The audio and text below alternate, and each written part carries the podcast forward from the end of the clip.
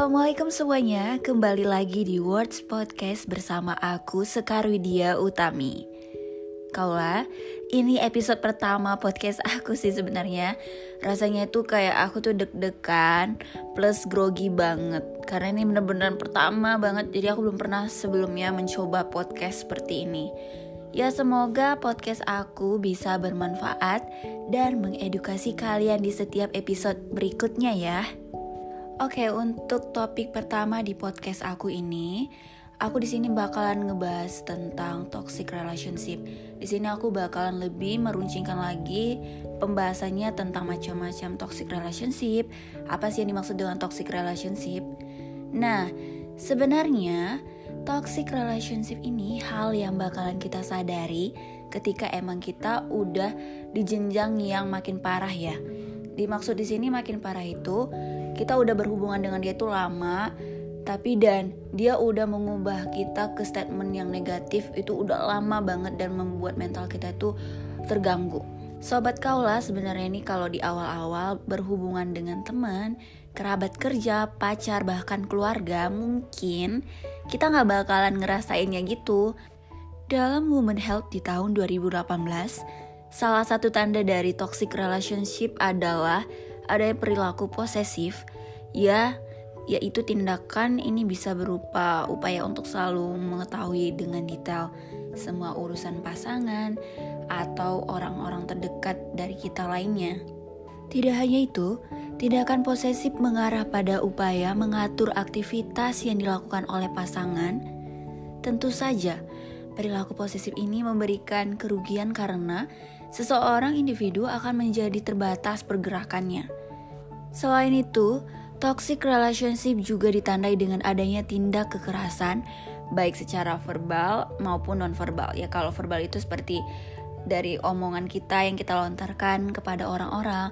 Nah, kalau nonverbal itu kita kayak menggunakan fisik gitu loh sebagai benda yang bakalan kita sakitin. Sahabat kaulah tahu gak sih? Sebenarnya faktor komunikasi merupakan faktor utama dalam kelangsungan sebuah hubungan maka komunikasi yang tidak seimbang mutlak ada pada hubungan yang sehat. Hubungan yang tidak memberikan kesempatan kepada salah satu pihak untuk berkembang lebih baik juga merupakan salah satu dari ciri toxic relationship loh. Nah kali ini aku akan ngebahas dan menggali lagi tentang toxic people. Ini nih ternyata setelah aku ngebaca beberapa jurnal, konten-konten seperti di sosial media kayak YouTube, bahkan ya kayak di website-website yang membahas tentang toxic relationship.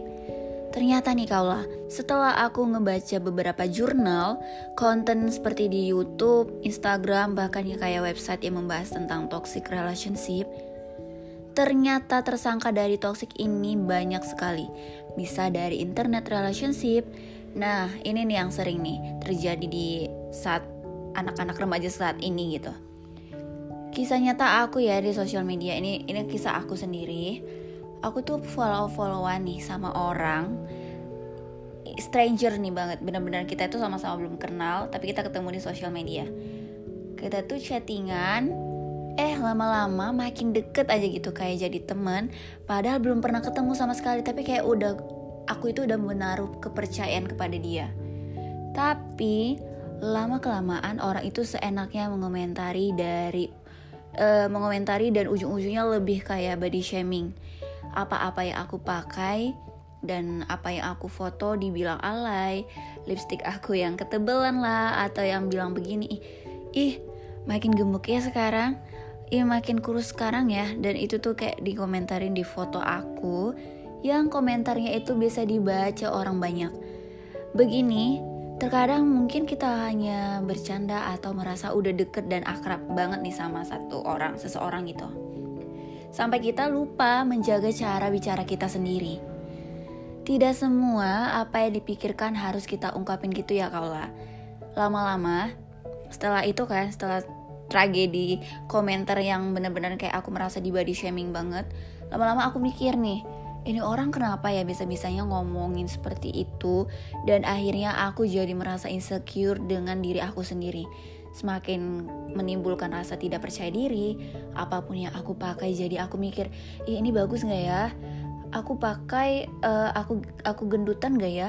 Aku kurus gak ya? Aduh pipi aku makin tembem banget gak ya? Kayak, aduh kayak aku ini serba salah banget. Aku tidak menaruh ke kenyamanan untuk diri aku sendiri tapi aku memberikan kenyamanan kenyamanan untuk visual visual orang yang melihat aku.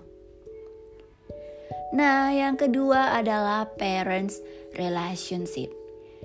Jadi orang tua itu juga jarang sih sebenarnya memberikan toksik buat anaknya.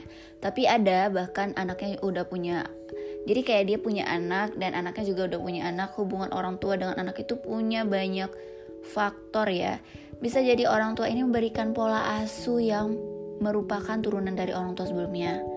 Tapi mereka nggak sadar bahwa itu tuh tidak baik kepada pola asuh ke anaknya di zaman sekarang. Misalnya ini, sering terjadi pada anak perempuan sih sebenarnya, yang benar-benar dijaga dan selalu dianggap tidak perlu aktif banget lah. Harus bisa masak, touch up, mempercantik diri, dan masih banyak lagi. Sering sekali aku menjumpai orang tua yang masih berpikiran atau menganggap anak perempuan gak perlu sekolah tinggi dan gak perlu kerja cukup belajar masak, nyapu, pokoknya yang berbau beres-beres rumah aja. Karena apa? Karena mereka berpikir ujung-ujungnya seorang anak perempuan juga bakalan menjadi ibu rumah tangga gitu. Menurut aku sebenarnya ya kaulah, ini sebenarnya adalah pola berpikir yang salah di zaman serba canggih seperti saat ini. Bener gak sih? Atau ini cuma statement aku aja Tapi ya tergantung kitanya juga sih Gak semua peraturan dari orang tua kita itu tidak baik dan toksik ke kita Jadi tergantung kita cara ngefilternya Dan cara berkomunikasi dengan orang tua kita bagaimana ya Nah yang ketiga adalah toksik dengan rekan kerja Yang sebenarnya kita seperti satu ruangan bahkan satu divisi dengan dia, tapi seperti saling beradu siapa yang terbaik gitu ya. Contohnya nih, dia selalu menjatuhkan kita, memberikan komentar negatif dengan kinerja kita, terus cara kerja dia nggak sehat agar bisa cepat-cepat naik jabatan.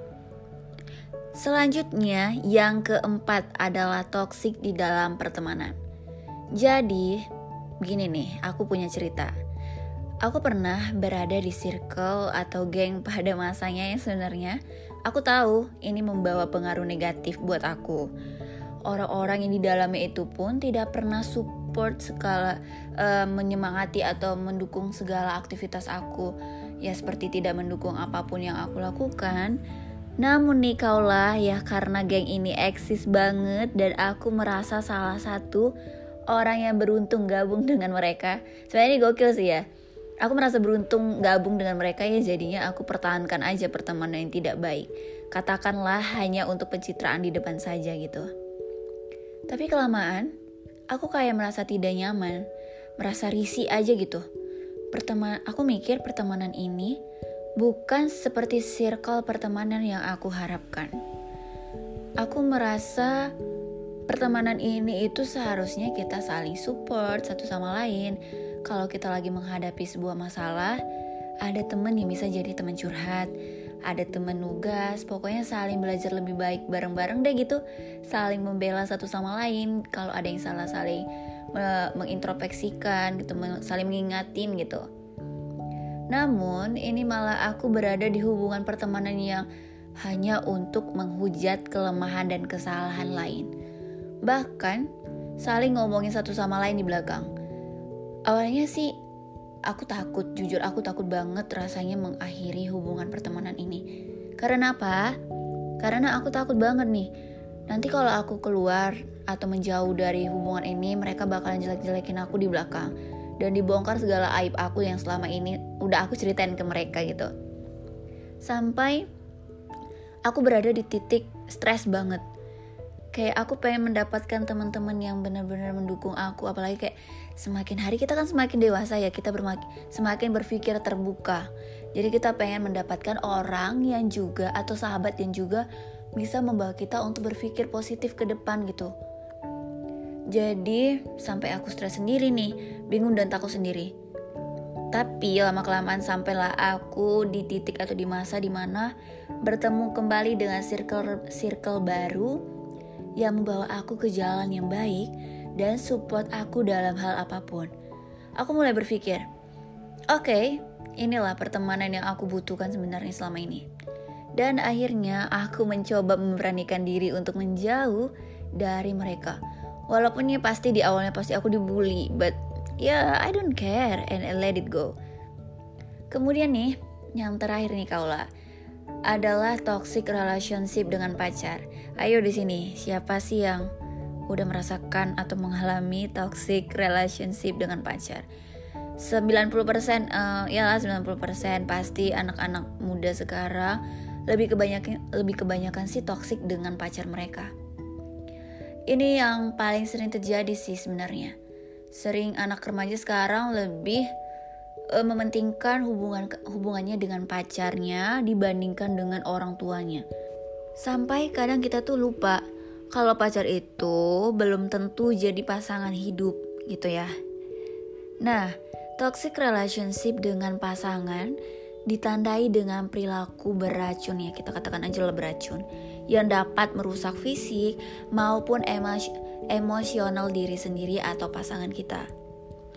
Dalam hubungan seperti ini akan didominasi perasaan yang tidak aman sifat yang egois, atau keinginan untuk mengendalikan pasangan kita. Hal ini akan membuat kita merasa kesulitan hidup produktif dan sehat, merusak mental, kadang juga hal ini dapat merusak fisik kita. Sikap seperti inilah yang mendasari munculnya konflik batin, menjadi mudah marah, depresi, ataupun memiliki kecemasan yang berlebihan. Toxic relationship biasanya terjadi karena kurangnya dukungan antar pasangan. Sehingga terjadilah komunikasi yang tidak sehat, bahkan sampai ada perkataan kasar, kritik yang menjatuhkan atau sering adu mulut di antara keduanya. Selain itu nih, ketidakjujuran dalam hubungan juga dapat memicu hal ini terjadi. Sehingga ada keinginan dari pasangan untuk mengontrol hubungan dengan membatasi gerak pasangannya. Eh, walaupun kita pasti sering mendengar bahwa cinta itu buta, ya nggak sih kaulah? Tapi kita juga tuh harus sadar akan tanda-tanda itu. Jangan sampai kita mengabaikannya karena itu dapat merusak diri kalian sendiri. Bukankah seharusnya dalam hubungan itu pasti ada interaksi antara dua orang? Jadi kaulah semua harus seimbang antara keduanya ya. Pasti bakalan sulit untuk kita mengakhiri hubungan yang seperti ini, ya gak sih? Entah karena kalian udah terlalu saling sayang, atau karena hubungannya sudah dirajut bertahun-tahun, bahkan ada yang sudah dikenalkan dengan orang tua masing-masing. Mungkin juga kalian akan merasa bersalah jika memilih untuk mengakhiri hubungan, atau kalian terlalu meyakini bahwa hubungan yang kalian jalani itu adalah benar, sehingga menyangkan hubungan tersebut berakhir. Tapi nih, kita harus tegas dalam memutuskan segala sesuatunya yang bakal merusak mental kita. Karena sesungguhnya, toxic relationship dengan pacar itu tidak akan berakhir tanpa adanya sebuah komitmen dari keduanya. Sehingga dibutuhkan komunikasi, support system, dan kesadaran diri untuk mengubah perilaku toksik tersebut karena kita tidak bisa mengubah pasangan kita tanpa adanya kemauan atau kesadaran dari dirinya sendiri. Jadi please jangan kalian meletakkan konsep di dalam pikiran kalian kalau kalian itu bisa mengubah orang. No, kita itu tidak bisa mengubah pasangan kita atau orang-orang terdekat kita. Yang kita bisa lakukan hanya mendukung, tapi tidak bisa untuk merubah. Untuk merubahnya, itu cuma datang dari dirinya sendiri, dari hatinya sendiri ya. Tolong itu kalian uh, ingat ya statement itu ya anak uh, ya kaulah apalagi nih untuk kalian yang memang yang mengalami kekerasan dan pelecehan yang tidak dapat ditolerir dalam sebuah hubungan dan perlu diingat bahwa hubungan yang sehat itu setiap pihak berhak untuk diterima dan diperlakukan dengan baik, sopan, dengan kasih sayang dan hormat. Pada saat kita berhasil terbebas dari hubungan toksik ini, kita akan segera menemukan apa yang memang menjadi passion kita. Pasti di awalnya kalian bakalan terasa berat saat pertama kali mengakhirinya. Setiap suatu saat kamu harus yakin bahwa kamu akan merasa bersyukur karena telah terbebas dari toxic relationship. Jadi begini konsepnya kaulah. Intinya kita harus berani mengambil keputusan untuk bisa keluar dari toxic relationship atau dari toxic people. Masih banyak nih orang-orang yang baik di luar di luar sana menunggumu masih banyak di luar sana keberuntungan yang akan datang mendampingimu baik dari rezeki ya, pekerjaan sahabat yang lebih baik pasangan yang lebih baik jadi kalian harus berani mengambil jalur yang keluar dari zona nyaman kalian. Sebenarnya bukan zona nyaman sih, zona toksik kalian. Nah, kaulah sekian podcast perdana aku kali ini yang membahas tentang toxic relationship. Semoga bermanfaat buat kalian semuanya ya, para kaula pendengar podcast words. Sampai bertemu di episode selanjutnya. Assalamualaikum.